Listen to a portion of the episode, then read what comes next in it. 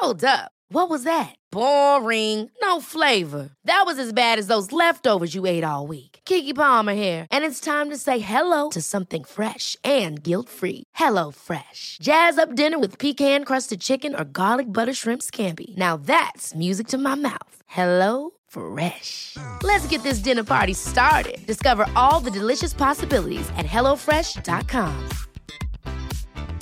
Quality sleep is essential. That's why the Sleep Number Smart Bed is designed for your ever evolving sleep needs. Need a bed that's firmer or softer on either side? Helps you sleep at a comfortable temperature? Sleep Number Smart Beds let you individualize your comfort so you sleep better together. JD Power ranks Sleep Number number 1 in customer satisfaction with mattresses purchased in-store. And now, save 50% on the Sleep Number limited edition Smart Bed for a limited time. For JD Power 2023 award information, visit jdpower.com/awards. Only at a Sleep Number store or sleepnumber.com.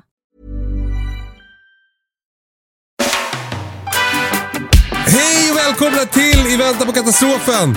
Mitt namn är Karl Efraim Zackari Wahlström och jag gör den här podden tillsammans med Kurt Henning Patrik Sellman. Hej Patrik! Hej Kalle!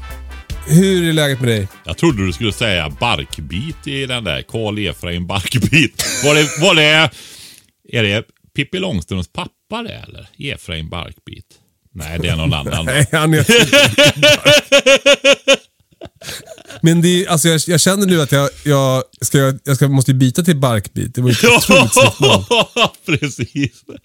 Du, eh, hur går det för föreläsningskungen Patrik Sellman? Jo då, det går... Eh, alltså jag har ju varit ute nu. Länsstyrelsen kontaktade mig i tidigt. Det är så härligt med folk med framförhållning, Ja. Eller hur? Det är du ja, van vid efter att ha jobbat med mig ett par år nu. Ja, sådär. Precis. Ändrar medan vi håller på. Eh, det är, hon, jo, hon ringde nog i våras eller försomras och ville att jag bokar upp mig för beredskapsveckan. Då. Det är hon som Det här är är ju tips till folk som vill boka folk. Är ju att Ja. fråga jättelänge innan. För då tänker man såhär, ja ja, det blir säkert bra. Och så tackar man ja.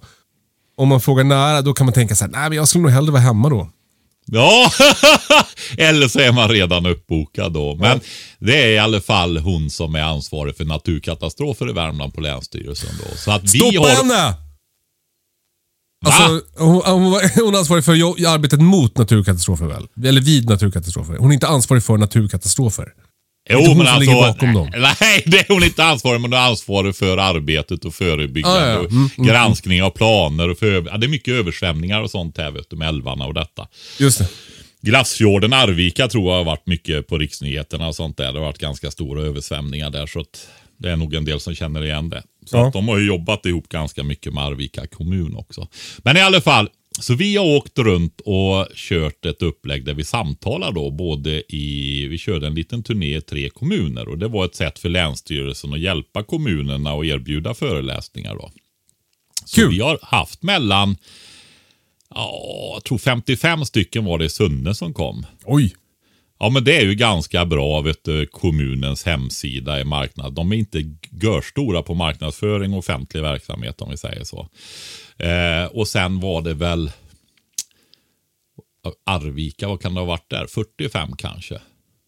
Men du, eh, Patrik, måste säga ändå vad roligt det är att, för, för det tycker jag man kan märka skillnad på bara sen vi startade den här podden. Att eh, just arbetet i kommunerna med beredskap har ju ökat.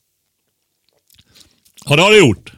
Men Karin, kvinnan på Länsstyrelsen där, hon, hon sa någonting rätt träffande när vi var i Arvika sista dagen här då på turnén i onsdags. Då säger han så här. Ja, ambitionen är ju att den här veckan ska bli större än kanelbullens dag. är den inte det, sa jag. Nej, sa hon. Det är den verkligen inte. Ja, det är ju deprimerande att höra. Ja, Eller Nej, men, men grejen är ju så va och eh, hur som helst så är det ju fantastiskt för att eh, det är ju ändå så här när man åker ut så, de som kommer, det är ju inte egentligen de som skulle behöva komma va. Nej, Och det visste ju jag ju från innan, så jag, jag började ju redan när vi var i Torsby på måndagen där och kalla dem för ambassadörer. Bra. För att de skulle känna att de är väldigt viktiga. Och det handlar inte bara om att de själva skaffar någon vattendunk och konservburkar och vevradio. Utan att, alltså, det är, jag gick fram ganska hårt under de här föreläsningarna. Med historiska jämförelser och hur det ser ut nu. Och det var ju kommunala säkerhetssamordnare var med.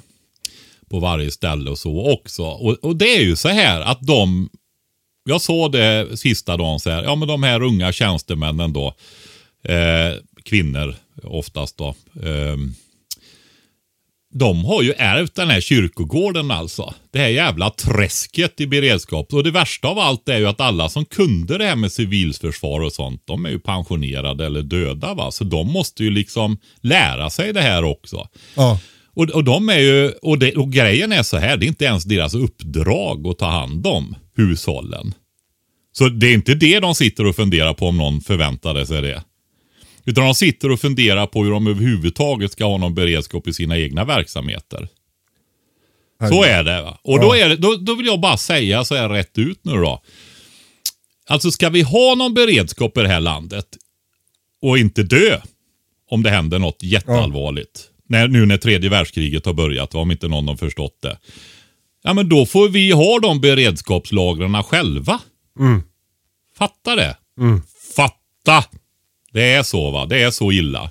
Alltså, Och- det här menar du på hushållsnivå då? Jajamensan.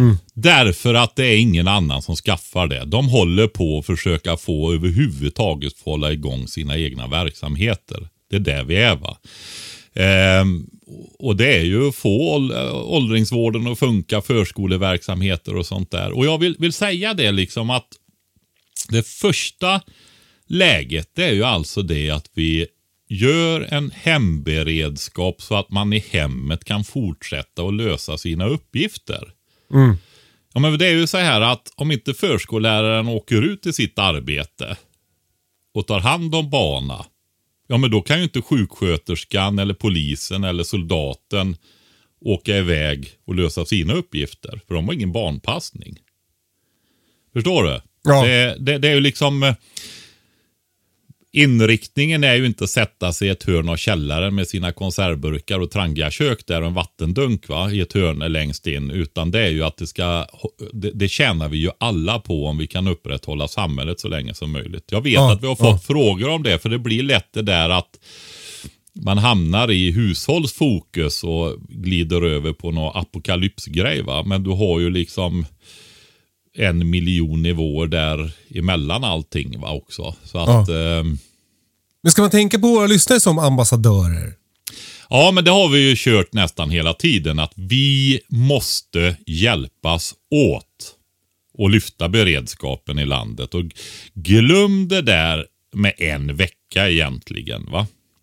Alltså då täcker vi in vardagskatastrofer, lokala översvämningar och sånt där när omgivningen kan komma in. va. Du får bakterier i vattnet, så har du vatten i lager och det känns skönt för då fixade du det. va. Eh, och sådana grejer. Men blir det allvarligare grejer, ja då, eh, då, då liksom är en vecka, det kommer ingen efter någon vecka. Nej. Nej, det finns inga stora dieselförråd för att distribuera ut mat till 10 miljoner invånare och sådana där grejer.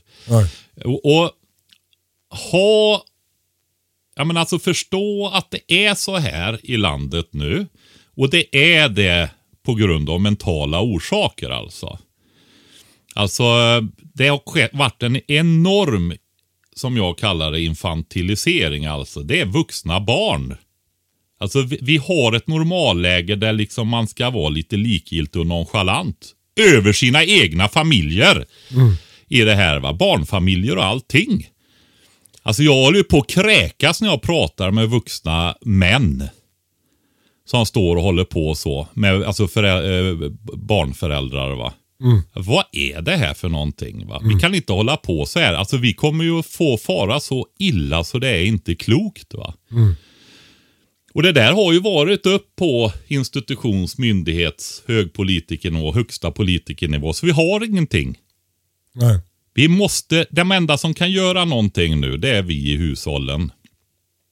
Och det går inte Det går inte att vara ett barn längre liksom och gömma sig i det där och tramsa på längre. Va? Det gör inte det. Och jag sa det här tredje värld. Jag tänker allting så här. Det var inte så att liksom andra världskriget startade fullt ut i september 1939. Utan det där är någonting som man har definierat i efterhand. Va? Ja. Många av länderna kom in 41. Och eh, det, det här är liksom ingenting som bara blir liksom av en slump. Utan det här är ju en, en grej som har pågått under lång tid. Va? Och överenskommelser som ligger och sådana saker bakom. bakom va? Så att eh, Alltså bara för att man ska få en känsla för hur det var förr. Jag, jag läste Ja. en grej som var så, så talande tycker jag. Att det fanns en instruktion från totalförsvaret, eller från staten, att människor skulle sabotera sina cyklar om ryssen kommer.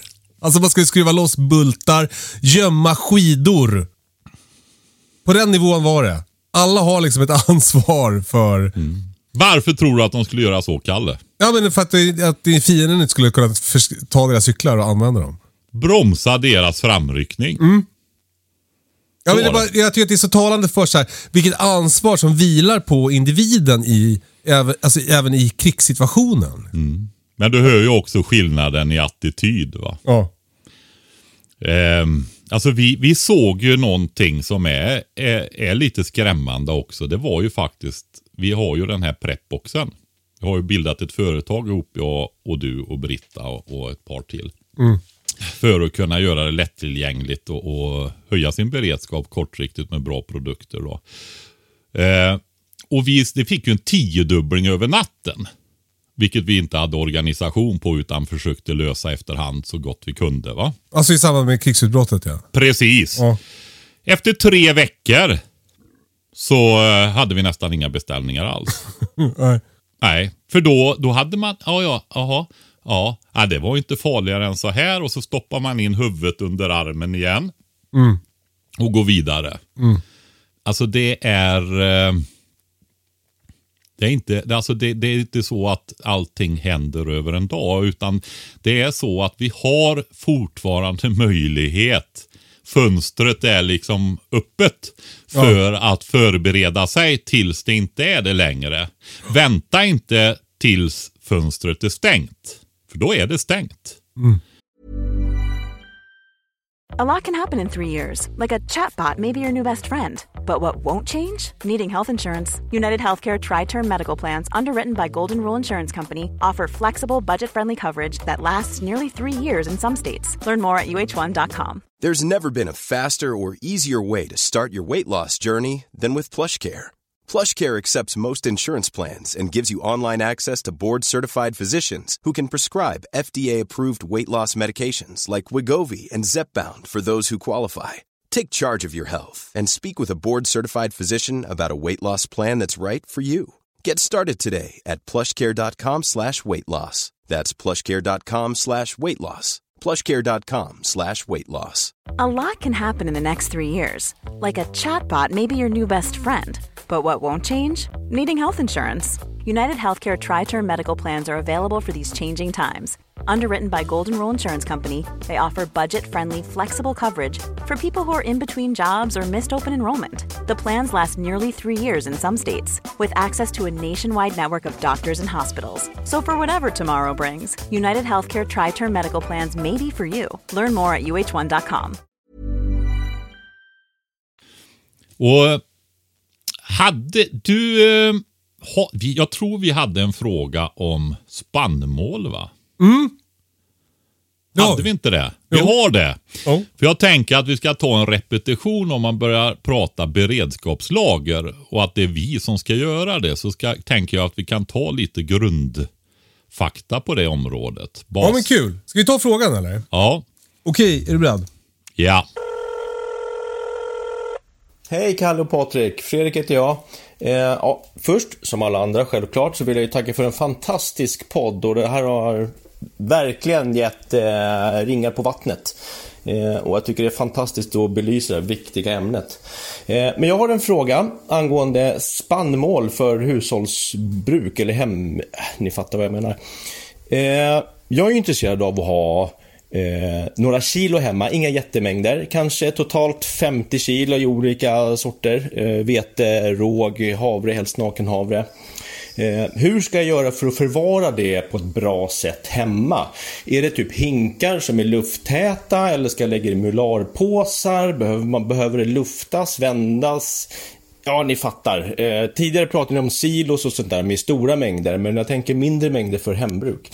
Det skulle jag vilja ha ett svar på. Tack ska ni ha. Ha det bra. Hej! Gud vilken bra fråga. Tack så mycket för det. Eh, och fint med en ljudfråga också. Det, det premieras. Maila Mm. ljudfrågorna till hejkatastrofen.se om du också har en. Men du Patrik, det här med spannmål har ju vi pratat om tidigare. Det är enligt dig eh, nyckeln till en långsiktig beredskap hemma. Det är där kalorierna finns, eller hur? Ja, det är ju så. Alltså det här med att odla lite rotfrukter. Även potatis vill jag påstå, även om det är det mest lättodlade med mest kalorier i, så är det ändå för lite kalorier över tid. va? Alltså det är 810 kilokalorier per kilo kokt potatis. Ja.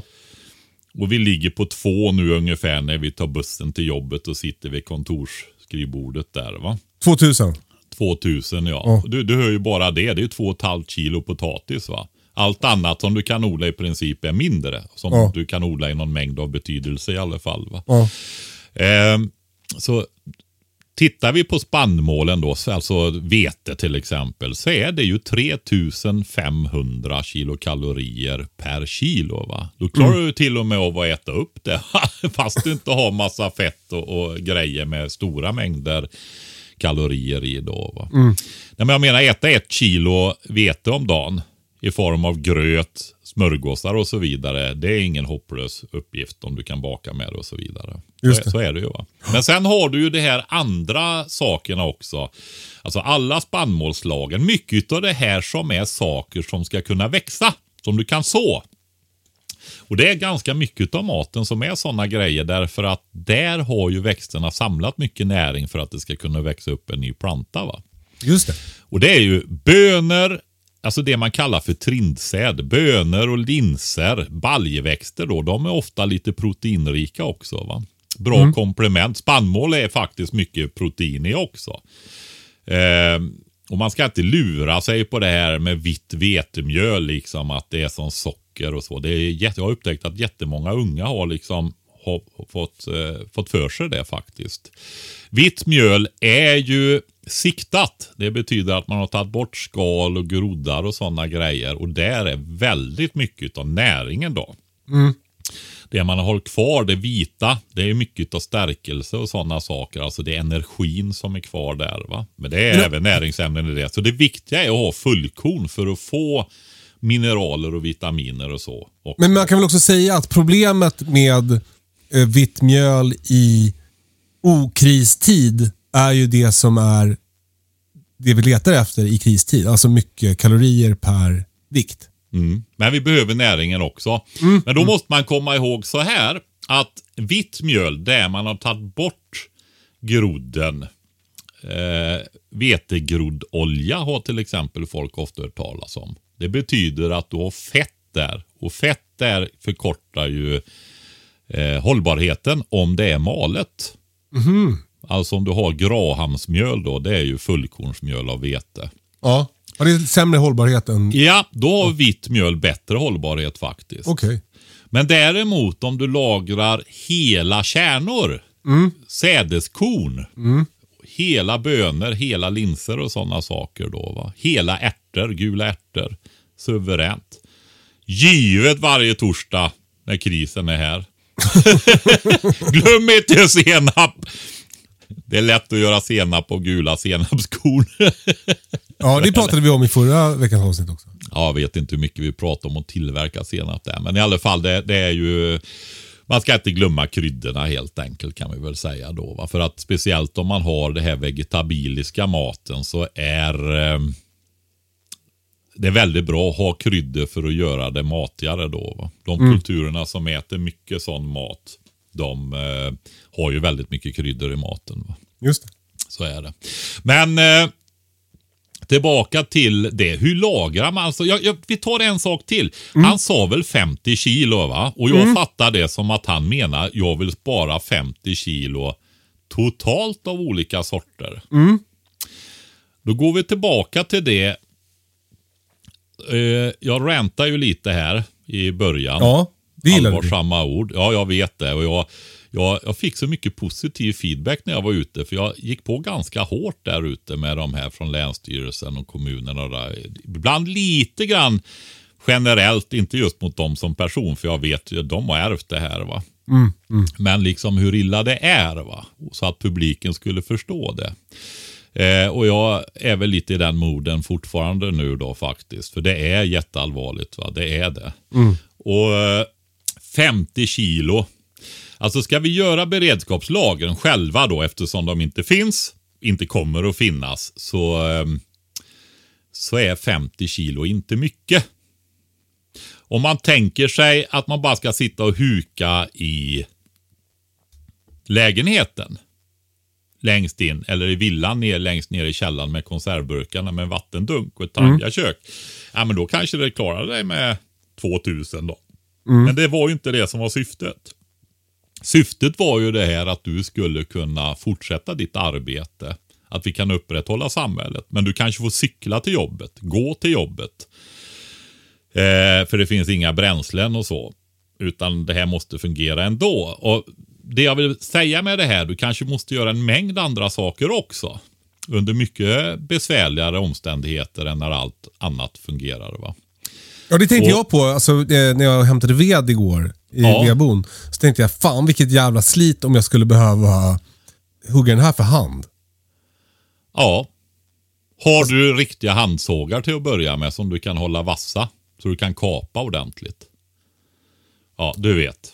Har du klyvyxor och sådana grejer? Mm. Ja, men det har jag. Ja, ja men kapsågar. Mm, ja, men jag kan skaka fram något. ja, det är det! Stå och gnida av stammarna med en handsåg då, som du inte kan hålla fast. jag har väl en ja. fotsvans. ja, jag vill, ja precis. Ja, ja just det. Det är en, eh, en sån här intern eh, humor när Kalle har en fogsvans i bilen och ska röja vägen med den. Ja. Han har nått nya högre nivåer nu. Ja. Eh, ja, precis. Nu kör han motorsåg i bilen, eller hur. Kalle? Över tid. Ja, ja vad bra.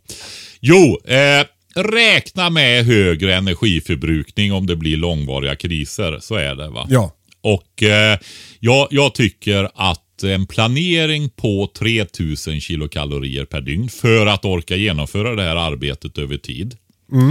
Eh, och få kroppar att hålla och så vidare för det. Så, så är det det som är bra. va. Och då pratar vi ju Alltså det är ju enkel matematik. Ta vete 3500 kilokalorier för ett kilo. Det är lite mer än 3000 För en Tre- person är det. då. för en person.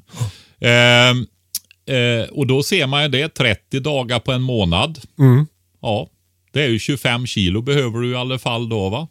För en person. För en person i månaden utav och då är vete en av de vegetabilierna som det är. Alltså det gäller de andra sädeskornen också. Korn och havre och det här. Va? Det är lite högre tal på dem. Går du ner på bönor, linser, ärtor och så vidare så sjunker det lite grann. Ja. Eh, men vi räknar in dem ändå i de där vad man behöver 25 kilo av de här torrvarorna då va. Spannmål, alltså då pratar vi ris, pasta, vete, korn, havre, råg eh, och trindsäden då, ärtor, baljer, linser och sådana saker. Va? Det är det du kan lagerhålla. Och Jag vill ju också säga det att jag kompletteringshandlade lite kryddor och sånt här nu i fredags eller torsdags förra veckan. Och jag tittade, jag är inte en sån där som handlar vet du, så handlar jag det jag ska ha i vanlig butik. Men när jag har köpt såna här grejer ifrån eh, leverantörer eh, då beställer jag ju hem till mig i större mängder då, om det behövs. Va? Det har jag Just gjort sedan 1990. Kom grejerna med häst och vagn då eller? Nej, det gjorde de inte, Kalle.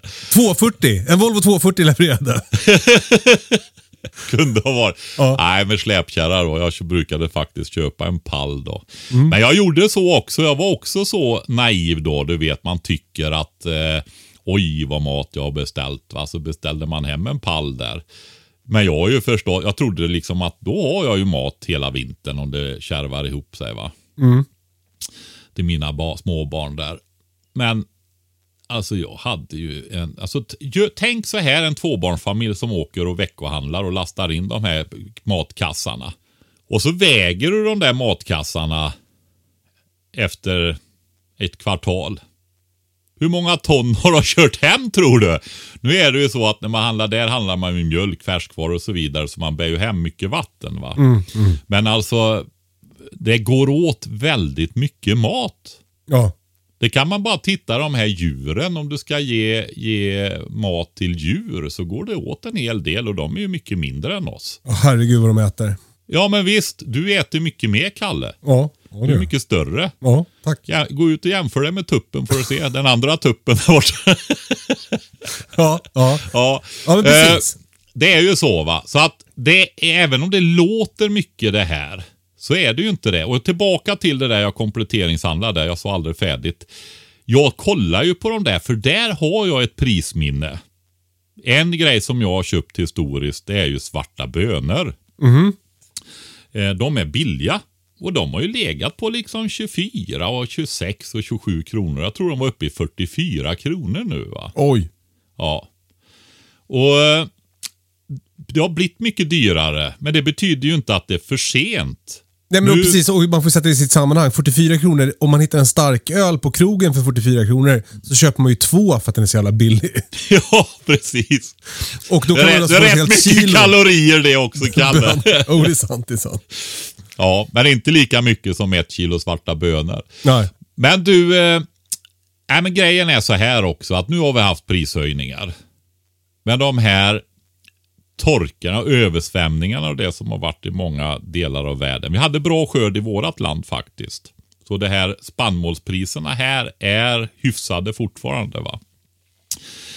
Jag tror man kan köpa vete konventionellt för 3 kronor om man köper säckar eller till och med storsäckar kanske billigare ändå. Jag tror Direkt av den. 2,50 har jag. Men det kostade ju 1,50 i fjol. Så det är, ganska stor, det är en väldigt Mm. stor prisökning ändå. Ja, ja, det är det. För det finns ju en efterfrågan. Men det är ju alltså, ska du sälja det till Indien eller till Afrika vetet så har du ju transportkostnader Ja, också. och ja. De slipper du ju här så det håller ju tillbaka. Ja, men jag menar, priserna har ju ökat väldigt mycket på, även på spannmål här. Men jag vill säga så här att de brister som har uppkommit i år. Det är ju den maten som säljs nästa år. Ni vet skördar tar man en gång om året i den här stora delar av världen. va? Just det. Så det är ju den maten som ska ut i hyllorna i butiken nästa år. Ja. Och ehm, det har inte slagit igenom än. Så om du kan köpa svarta bönor för 40, runt 40 kronor idag, gör det. För det kommer att vara väldigt mycket dyrare nästa år. Va? Så är det. Så att eh, det här prisökningarna kommer att fortsätta. Och jag pratade om tredje världskriget och börjat och så. Och jag planerar utifrån det.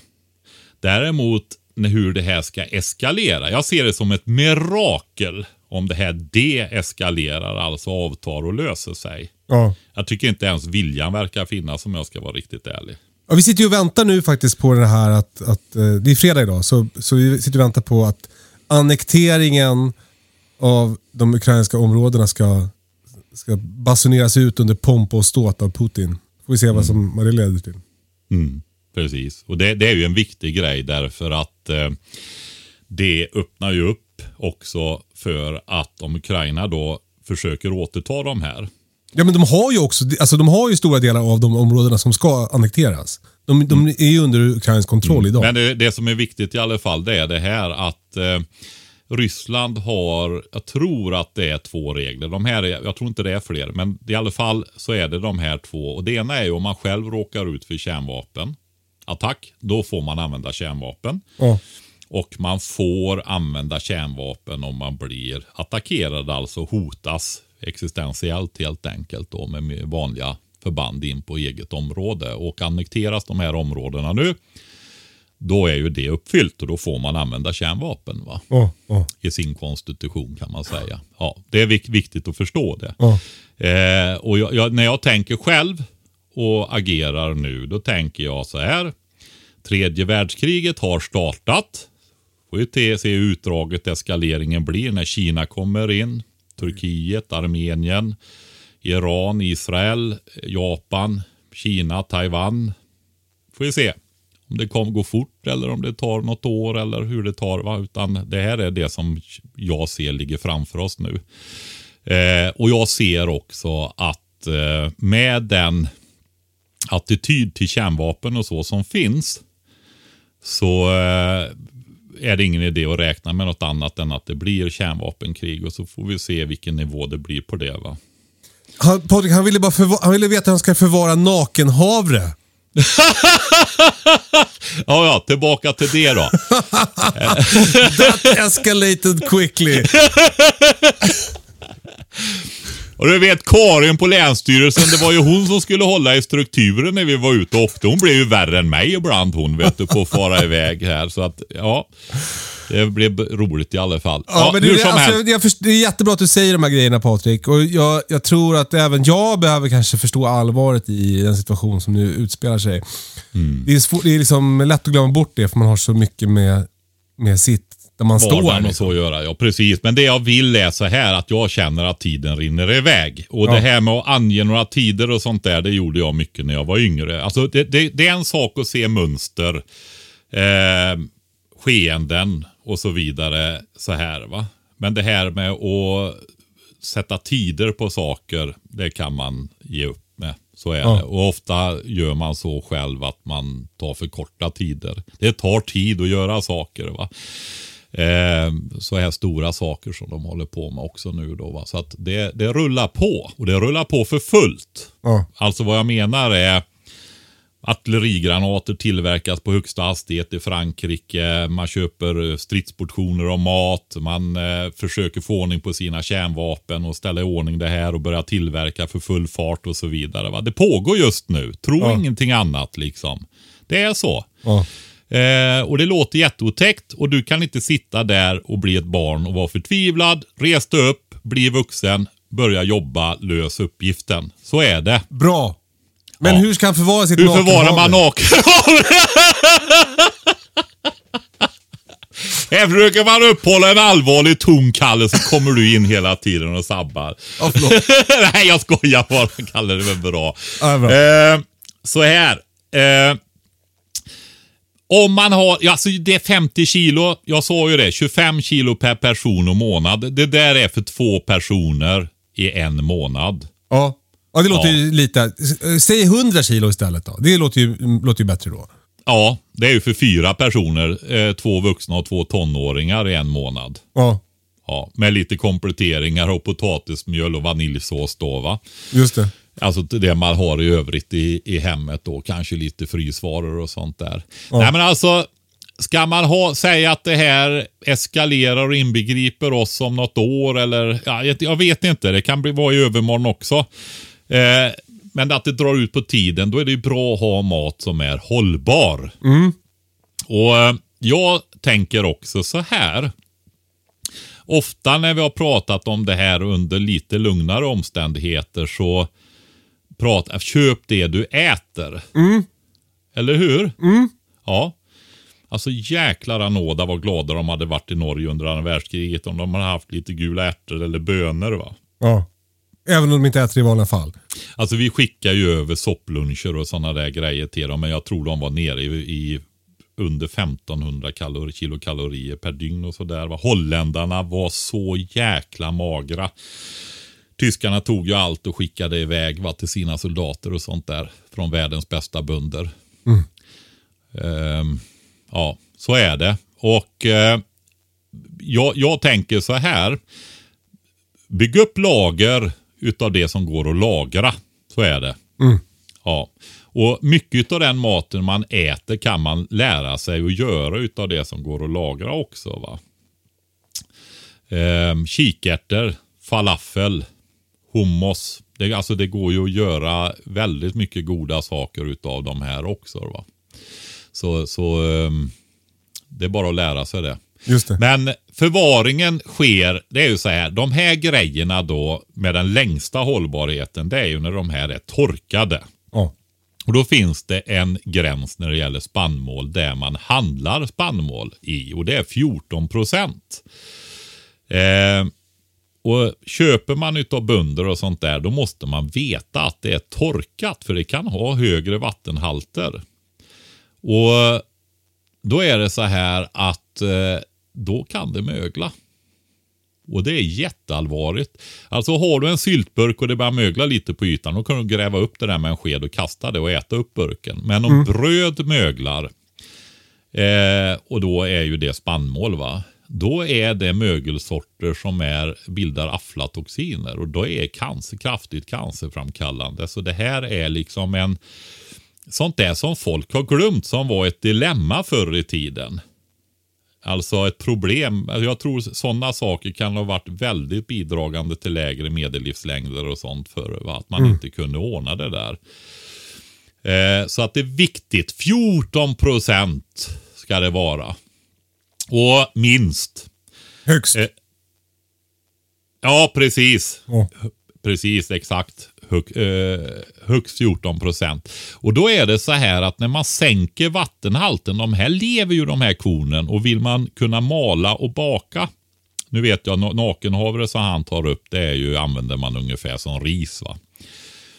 Eh, och det betyder att det har inget skal. Så det, odlar man det själv så får man kärnorna direkt Ja eh, och kan använda det som ris så slipper man problem med, med, med skalning och så som annars är en grej med havre då. Och du menar att nakenhavre är en speciell sort? Ja, det, nakenhavre är en speciell typ. Okej. Ja, Jag trodde att det var ett speciellt tillvaratagande sätt. Men då är Nej, alltså, det, nej, det är det inte. Det finns nakenkorn också. Som Mhm. du kan... eh, För de har ju skal de här. Va? Det är Ja. därför jag pratar om att det här med maltkorn kan vara intressant. För där låter man skalet vara kvar och bli en del i under mäskningen och i lakbädden för att få bättre filtrering och sådana saker. Så att det är ju inte skalat korn, maltkorn då när du använder det. Va? Ja, ja, ja. Annars så blir, är det mycket krångel med detta om du inte har utrustning och så. det då. Mm. Så okej, tillbaka. Eh, de lever kornen och det vill du fortsätta att det ska fortsätta att göra. Och de andas. Och de behöver, det är liksom inte fotosyntes där va, och ta upp koldioxid utan det är ju den här vanliga cellandningen. För de har ju inga gröna blad. va. Utan då behöver de syre och lämnar ifrån sig vatten och koldioxid. ja. Det är en cellandning som sker va, där i. Och ju lägre vattenhalt du har, ju mer djupare dvala kommer det här kornet så att cellandningen avtar. Va? Jaha. Och det är viktigt. När jag beställer då, jag har ju eh, hyfsade lager utav spannmål då och så ger jag det till mina fåglar, hönor, gäss, kalkoner och så vidare. va. Nu med lite grann till får också. Eh, och så fyller jag på lite grann då efterhand som de äter där, så jag omsätter det där. Men då betalar jag bönderna lite extra för att de torkar ner det till 12 procent. För då är det väldigt låg ämnesomsättning och då kan jag förvara det där i tunnor som är täta. Sådana här blåa tunnor med svarta lock och spännringar på. Just det. Ja, Vad är 60 liters tunnor typ? Ja, eller 120 eller 140 eller 200. De finns i olika storlekar. Ja. ja. Och en 100, jag kan man säga så är en 140 liters tunna. Eh, det är ju den, en speciell tunna. Den är hoptryckt och det är just, den är 40 gånger 60 men locket är fortfarande runt. Och det är därför att du ska kunna få plats med exakt fyra stycken på en vanlig standardpall, 80-120 pall. För då får du lite mindre luftutrymme mellan tunnorna också. Va? Och det är väldigt bra om du vill till exempel vill ställa tunnor efter en vägg under en bänk eller liksom någonting sånt där. Va? Och en sån 140 tunna, de, då får du i 100 kilo spannmål ungefär. 140 liter. I en tunna? Ja, så 10 sådana tunnor, det är ett ton. Perfekt. Ja, och det kostar, du hade köpt för 2,50 sa du. Ja. 2500 kronor. Och tunnorna Alltså- är ganska dyra vill jag säga också. Ja, går att få. Har du en högtrycksfett så kan du liksom köpa odiskade sådana där. Jag var faktiskt in och köpte nu på ett tryckeri med vattenlösliga eh, färger i då. eh, 200 liter stora jättefina tunnor för 100 kronor styck. Ja, det var ju bra pris. Ja, det var det. Det var ovanligt bra pris.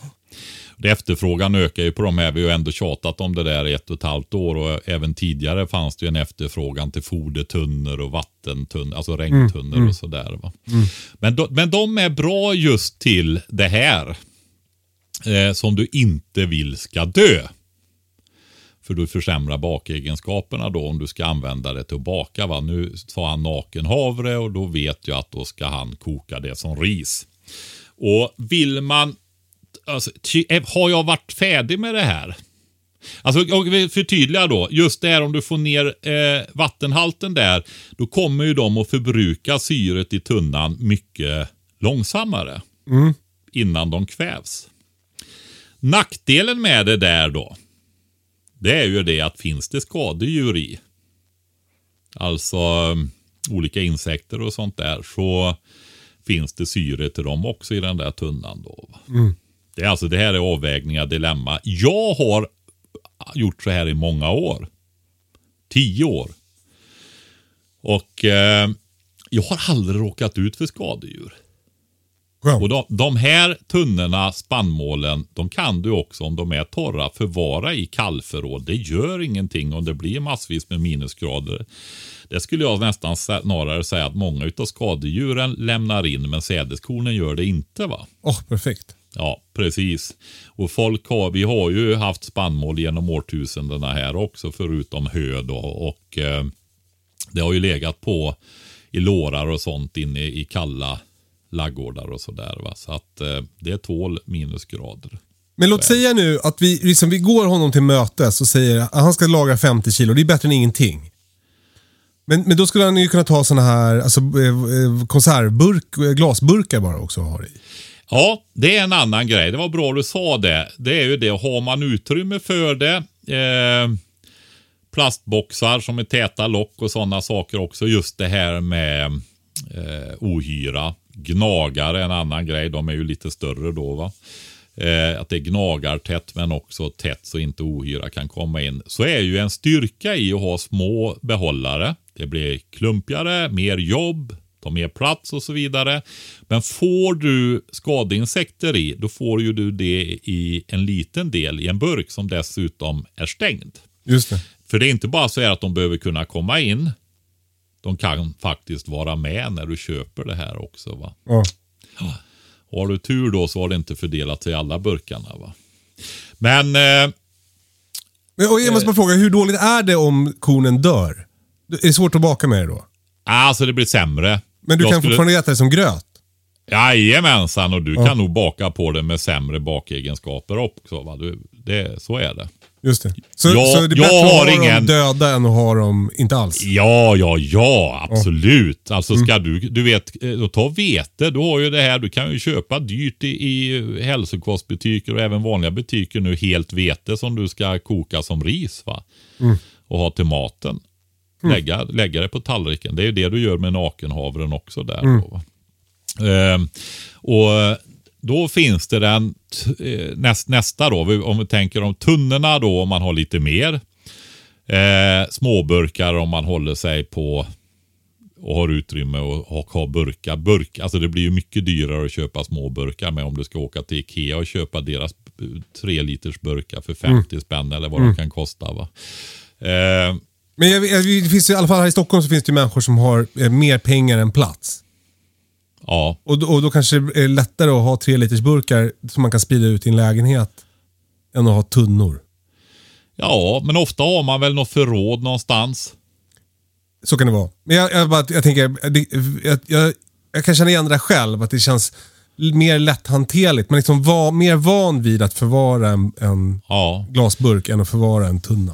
Precis. Men sen kan det ju också vara så här att, ja, alltså jag, jag, jag bara får säga så här nu. Det är dags att skaffa mer mat hemma nu. Bra. Släpp, släpp sargen och sätt igång nu. Bra. Va? Det är Du, så. får jag fråga- men det- men jag, jag vill ta den tredje grejen också. Mm. Eh, och det är ju riktig långtidsförvaring. Mm. Om man vill ha mycket mat som och du, du lämnar, alltså man har ju det här olika nivåer. Du har ju det här som du ständigt roterar. Va? Den första nivån kan vi säga, det lilla förbrukningsskafferiet. Kylskåpet, lilla frysskåpet och så vidare. Va? Där du liksom det här som rullar runt hela tiden på veckobasis kan man säga. Va? Och sen kan du ha nästa nivå två då. Då liksom har du ett större skafferi. Det här som du roterar in och du kanske har ett lager där för någon vecka eller två kanske, inte vet jag hur det ser ut. Jag tror inte folk har så mycket, men alltså att man föreställer sig att man har det i alla fall. I mitt fall är det liksom eh, plastbackar med pasta i, alltså vanliga pastapaket i, i, ja, i ett uthus. Ja, men precis. Men sen, jag undrar om inte det är nivå tre nästan. Mhm. Då, då har du det här långtidslagret skulle jag kunna säga. Men det är det jag vill att folk ska sätta upp nu. Mm. Och där 50 kilo är väldigt lite. Alldeles för lite. Där, där är det ju så här att det kanske det är, är inte det där där du liksom plockar det äldsta och använder. Utan det är ett förråd som du har. Är du lite äldre så kanske det rent av är så att du vet att du har mat när du blir pensionär. Va? Ifall det blir väldigt dyrt eller inte finns. Eller så kan du ta fram det och slippa köpa när mat är väldigt dyrt längre fram i framtiden. Va? Men det är liksom din backup, ditt stora reservlager. Eh, och eh, där vill du ha väldigt lång hållbarhet då. Och det brukar man säga att packar du de här torrvarorna som vi har pratat om här nu då. Va? Speciellt om du, det, det räcker med 14 procent på så. Då tar du hinkar och mylarpåsar. Mylarpåsar det är en plast som har funnits väldigt länge. Och jag är 99% säker på att det är just den du har när det är frystorkat och sånt där. va. Ja. Silvrig på insidan typ. Ja, aluminiumfolie ser det ut som. Det är plast. Och den är den tätaste plasten vi har faktiskt. Det är en relativt gammal plast, men den är riktigt tät. Alltså att det inte andas lite igenom eller går fukt igenom och så vidare. Utan den är verkligen tät. Eh, och om man lägger sån här mat i den och dessutom någonting som kallas för syraabsorbenter. Alltså det, alltså man kan, det, det är ju någonting som man skulle, enkelt skulle kunna säga som rostar, oxiderar. Så lägger du i rätt mängd av dem, det finns doseringar, det är typ sådana här små påsar ni vet som man får med elektronik. Just det. Fast de är inte syraabsorbenter utan de är fuktabsorbenter istället. De tar ju upp så att det inte ska bli skadat av fukt. Men de ser ut ungefär lika kan man säga. Syraabsorbenter är det man behöver. Och lägger man i det, och det är ju 20% syre, resten är ju i princip kväve. Va? Det finns ju ädelgaser och så med och koldioxid. Men, men det är 20% syre. Då förbrukar de, alltså de binder upp fysiskt, rostar kan vi säga. Så att det, då skrumpnar påsen ihop. För volymen minskar ju, ser ut som den är vakuumpackad. Men framför allt så finns inget syre. Men det innebär ju också att de här kornen kvävs va. Ja, de dör. De dör. Men alla skadeinsekter dör också. Och det här, det här kommer nu att hålla för evigt. I princip. Men man brukar säga 30 plus då, år. Så är det. Och det kostar en del med hinkar och mylarpåsar och syraabsorbenter och så vidare. Eh, hade du gjort det för ett år sedan så hade du haft mer än det gratis jämfört med priserna idag. Och eh, eh, gör du det nu så med största sannolikhet så kommer du att ha sparat in det och mycket mer med framtida priser här inom inte allt för lång framtid. Du vet hur Patrik, det är så lustigt nu för nu kommer min eh, kompis slash granne Hugo med fem ton vete till mig. Mm. Eh, som jag ska försöka lagra i min silo. Ah, du ska äntligen fylla den! Ja! Nu är det dags. Men, det jag oroar mig över, eh, vi måste vara snabba nu för han, nu kommer han så jag måste sluta. Ja, Men ja. eh, eh, den här silon är ju inte alls så här tät som vi pratar om nu. Kommer inte det alltid bli fuktigt då? Nej, alltså det, silo är ju så himla perfekt. Det är bara det att det har man liksom inte i garaget. va. Men däremot kan du ställa några tunnor där under Ja, bänken ja. eller efter, efter väggen. Du vet som jag sa, 40, 60, sticker ut 40 centimeter. har du en sex meters vägg så har du ett ton där va. Just det. Ja. Eh, Men vad, kommer det inte bli fukt i silon? Eh, alltså de, visst tar det upp lite fukt och så, men är det nedtorkat så tar det inte upp enorma mängder. Men fördelen med silo det är att du fyller på den uppifrån Ja. och tummer den nerifrån. Ja. Och när du tummer nerifrån, då rör sig varenda spannmålskorn i hela silon när du tummer efterhand Ah. lite grann. Och då trivs inte skadeinsekterna i det där heller. Gud vad bra. Ja. Du, innan vi slutar. Så I förra veckans podd så pratade vi om eh, skyddsmasker. Just Eh, det. och du hetsade mig att köpa eh, skyddsmasker. Eh, det var ju väldigt många som frågade vilka skyddsmasker du rekommenderar och var man köper dem och så här. Och nu har du fixat rabatt till våra lyssnare. Vi får väl säga så här Kalle, vi började ju spela in men gjorde om för inbördes. Och du sa aldrig nu att vi sitter här på fredag veckan innan det Ja, jag tror jag sa det i samband med det här med Putin och annekteringen och så här. Men det förklarar inte det att jag är och jagar älg när du lyssnar på det här. Precis, så att eh, händer någonting så har vi inte varit med om det under Ja, veckan exakt. här va. Men det är också så att när jag du ville ju prata om det här som jag sa till dig som fick Britta gå med på att du fick köpa skyddsmasker. ja. Ja, stort tack för det. Ja, och då är det så här att du ville att vi skulle ta den diskussionen i podden. Den som kom nu då förra veckan här va. Och eh, då gjorde vi det och då kom det ju mängder med frågor. Jag sa aldrig vad det var för när du hade handlat dina, ja då fanns det fem kvar va. Ja. Det var ingen idé, då blir ju folk bara lurade va. Ja. Men när det blev så mycket förfrågningar, då kontaktade jag de här. För jag bedömer, om man, eftersom man inte kan få tag i de här 90-maskerna och det som vi har själva som är väldigt bra, så är det här en tjeckisk sånt som är till för kravallpoliser, soldater och så vidare. Va? Som faktiskt är konstruerad lite senare också än, än 90-masken då. Va? Så den, den är en modern mask och jag bedömer att den är riktigt bra. Så när de inte går att få tag i de här som man, jag känner till, då har jag rekommenderat den här och den är väldigt prisvärd som jag kan se. va. Och den används också, det är en etablerad då för kravallpoliser, soldater och så vidare. Va? Så att den är, skyddar hela ansiktet. Köper man den nu så eh, har de fyllt på lagret. De kunde Yes. göra det rejält, va? till tresiffrigt i alla fall. Eh, och nu har jag lagt ut på Instagram faktiskt i fredags, alltså idag, Ja. när vi spelar in detta klockan 15.00 för de ville fylla på eh, i en kategori. För jag fick också fram en lyssnarrabatt på 10% och då inte bara på skyddsmasken utan det som är i kategorin hemberedskap och prepping som de har som en Perfekt. underkategori. Allt som finns i kategorin där har ni 10% på med koden hemberedskap med små bokstäver. Och vad heter sajten? Sajten heter ovbutiken.se och drivs av en polis och väkt, en väktare och riktar sig egentligen till den eh, målgruppen. Men de har breddat lite det här med beredskap och så också. Och eh, blir jätteglada för det här samarbetet då såklart. Va? Så 10% på OV-butiken med koden hemberedskap. OV-butiken. Olof Viktor butiken. ovbutiken.se. Ehm, och ni kommer att se när ni tittar i produktutbudet där att det finns mycket. Det finns allt. Du kan köpa en sån här båtmansmössa till väktare om du vill där. Ja, det skiter jag i. Jag måste ut precis. Hugo nu Patrik. Ja, men du. Ja. Eh, jag vill säga en sak till. Kategorin hemberedskap och eh, frågorna har ju varit kring skyddsmakt. Det finns mycket mer. De har bra sjukvårdsutrustning och sådana där grejer som kanske inte är så lätt att hitta annars och sånt va? under den här kategorin. Det finns enklare radioapparater och, och enkelt vattenfilter och sådana saker också. När det gäller skyddsmasken nu så köper man den. Alltså tänk om vi hade haft den här bitmunstycket och slangen som man kunde dricka med skyddsmasken på.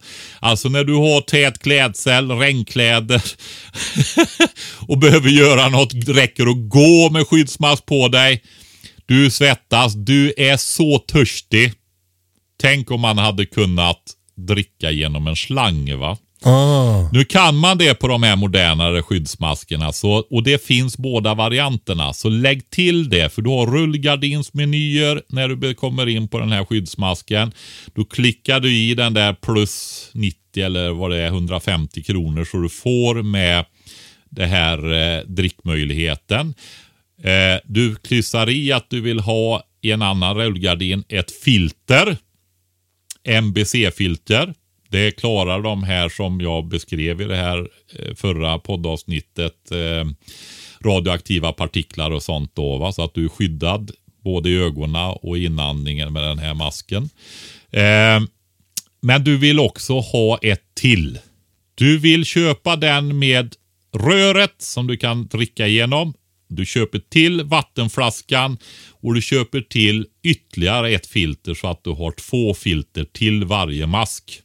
Snyggt. Så är det. Och man får alltså 10%. 10% som jag hade kunnat behövt när jag beställde mina masker. Om du är riktigt snäll Kalle och gniden där så ringer du till dem och frågar kan inte jag få det där också? ja, men det, det, de är ju ganska dyra de här maskerna, men eh, det känns ju skönt att, att ha. Ja, jag har, ju, har, jag har ju gjort så här. Jag bedömer ju så här. De kan inte sälja. Jag ser att det är ju inte de dyraste märkesvarorna de har generellt över. De har snigeldesign som är ett sånt, så de har det också.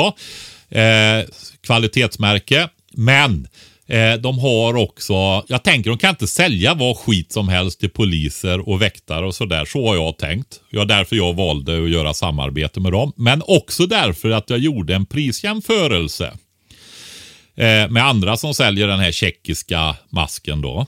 Och de här ligger i nederkant. Det finns de som ligger ungefär lika, men då har vi 10% dessutom nu då. Men många är betydligt dyrare med masken, så jag skulle säga så här och tittar du på de här industri helmaskerna och så vidare som finns så är det här ingen dyr mask. Det är en oerhört prisvärd mask skulle jag säga. Det är dyrt om, man, om det är någonting som man hoppas att man aldrig ska använda. Det är väl det. Ja, precis. Men sen är det också så här vill jag säga då. Lite i det här. Jag, jag vet ju och du hör ju också via våra gemensamma kontakter, jag har lite andra kontakter också, att det går, börjar gå, hjulen börjar gå för fullt till krigsindustrin, till att bygga upp försvarsmakter. Funderar du på, har du möjlighet nu att fundera på sådana här masker? Fönstret är öppet nu. Jag pratade igår med, med eh, ordförande skytteföreningen som är en tävlingsskytt som skjuter mycket. De får knappt tag i krut längre. Han tror att det går till ammunition till våra soldaters vapen istället nu. Eh, går, det försvinner mer och mer. va. Så eh, jag tror han har rätt. Eh, och så blir det på område efter område. Detta är en produkt som ganska snart blir väldigt mycket mer efterfrågad också. va. Så köp medan du kan i så fall. ovbutiken.se, koden är hemberedskap, då får du 10%. Nu måste jag gå Patrik.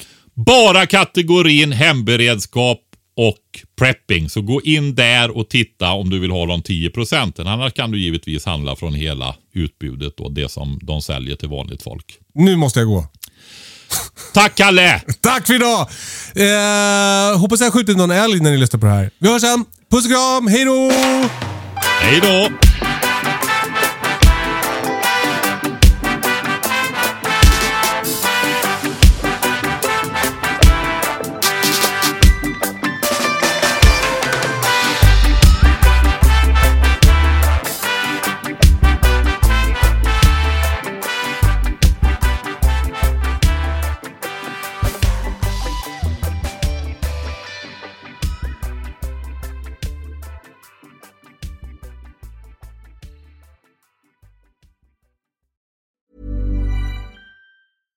Even when we're on a budget, we still deserve nice things. Quince is a place to scoop up stunning high-end goods for 50 to 80% less than similar brands. They have buttery soft cashmere sweaters starting at $50, luxurious Italian leather bags, and so much more. Plus, Quince only works with factories that use safe, ethical, and responsible manufacturing. Get the high-end goods you'll love without the high price tag with Quince. Go to quince.com slash style for free shipping and 365-day returns. Planning for your next trip? Elevate your travel style with Quince. Quince has all the jet-setting essentials you'll want for your next getaway, like European linen, premium luggage options, buttery soft Italian leather bags, and so much more. And is all priced at 50 to 80% less than similar brands. Plus, Quince only works with factories that use safe and ethical manufacturing practices. Pack your bags with high-quality essentials you'll be wearing for vacations to come with Quince. Go to quince.com/pack for free shipping and 365-day returns.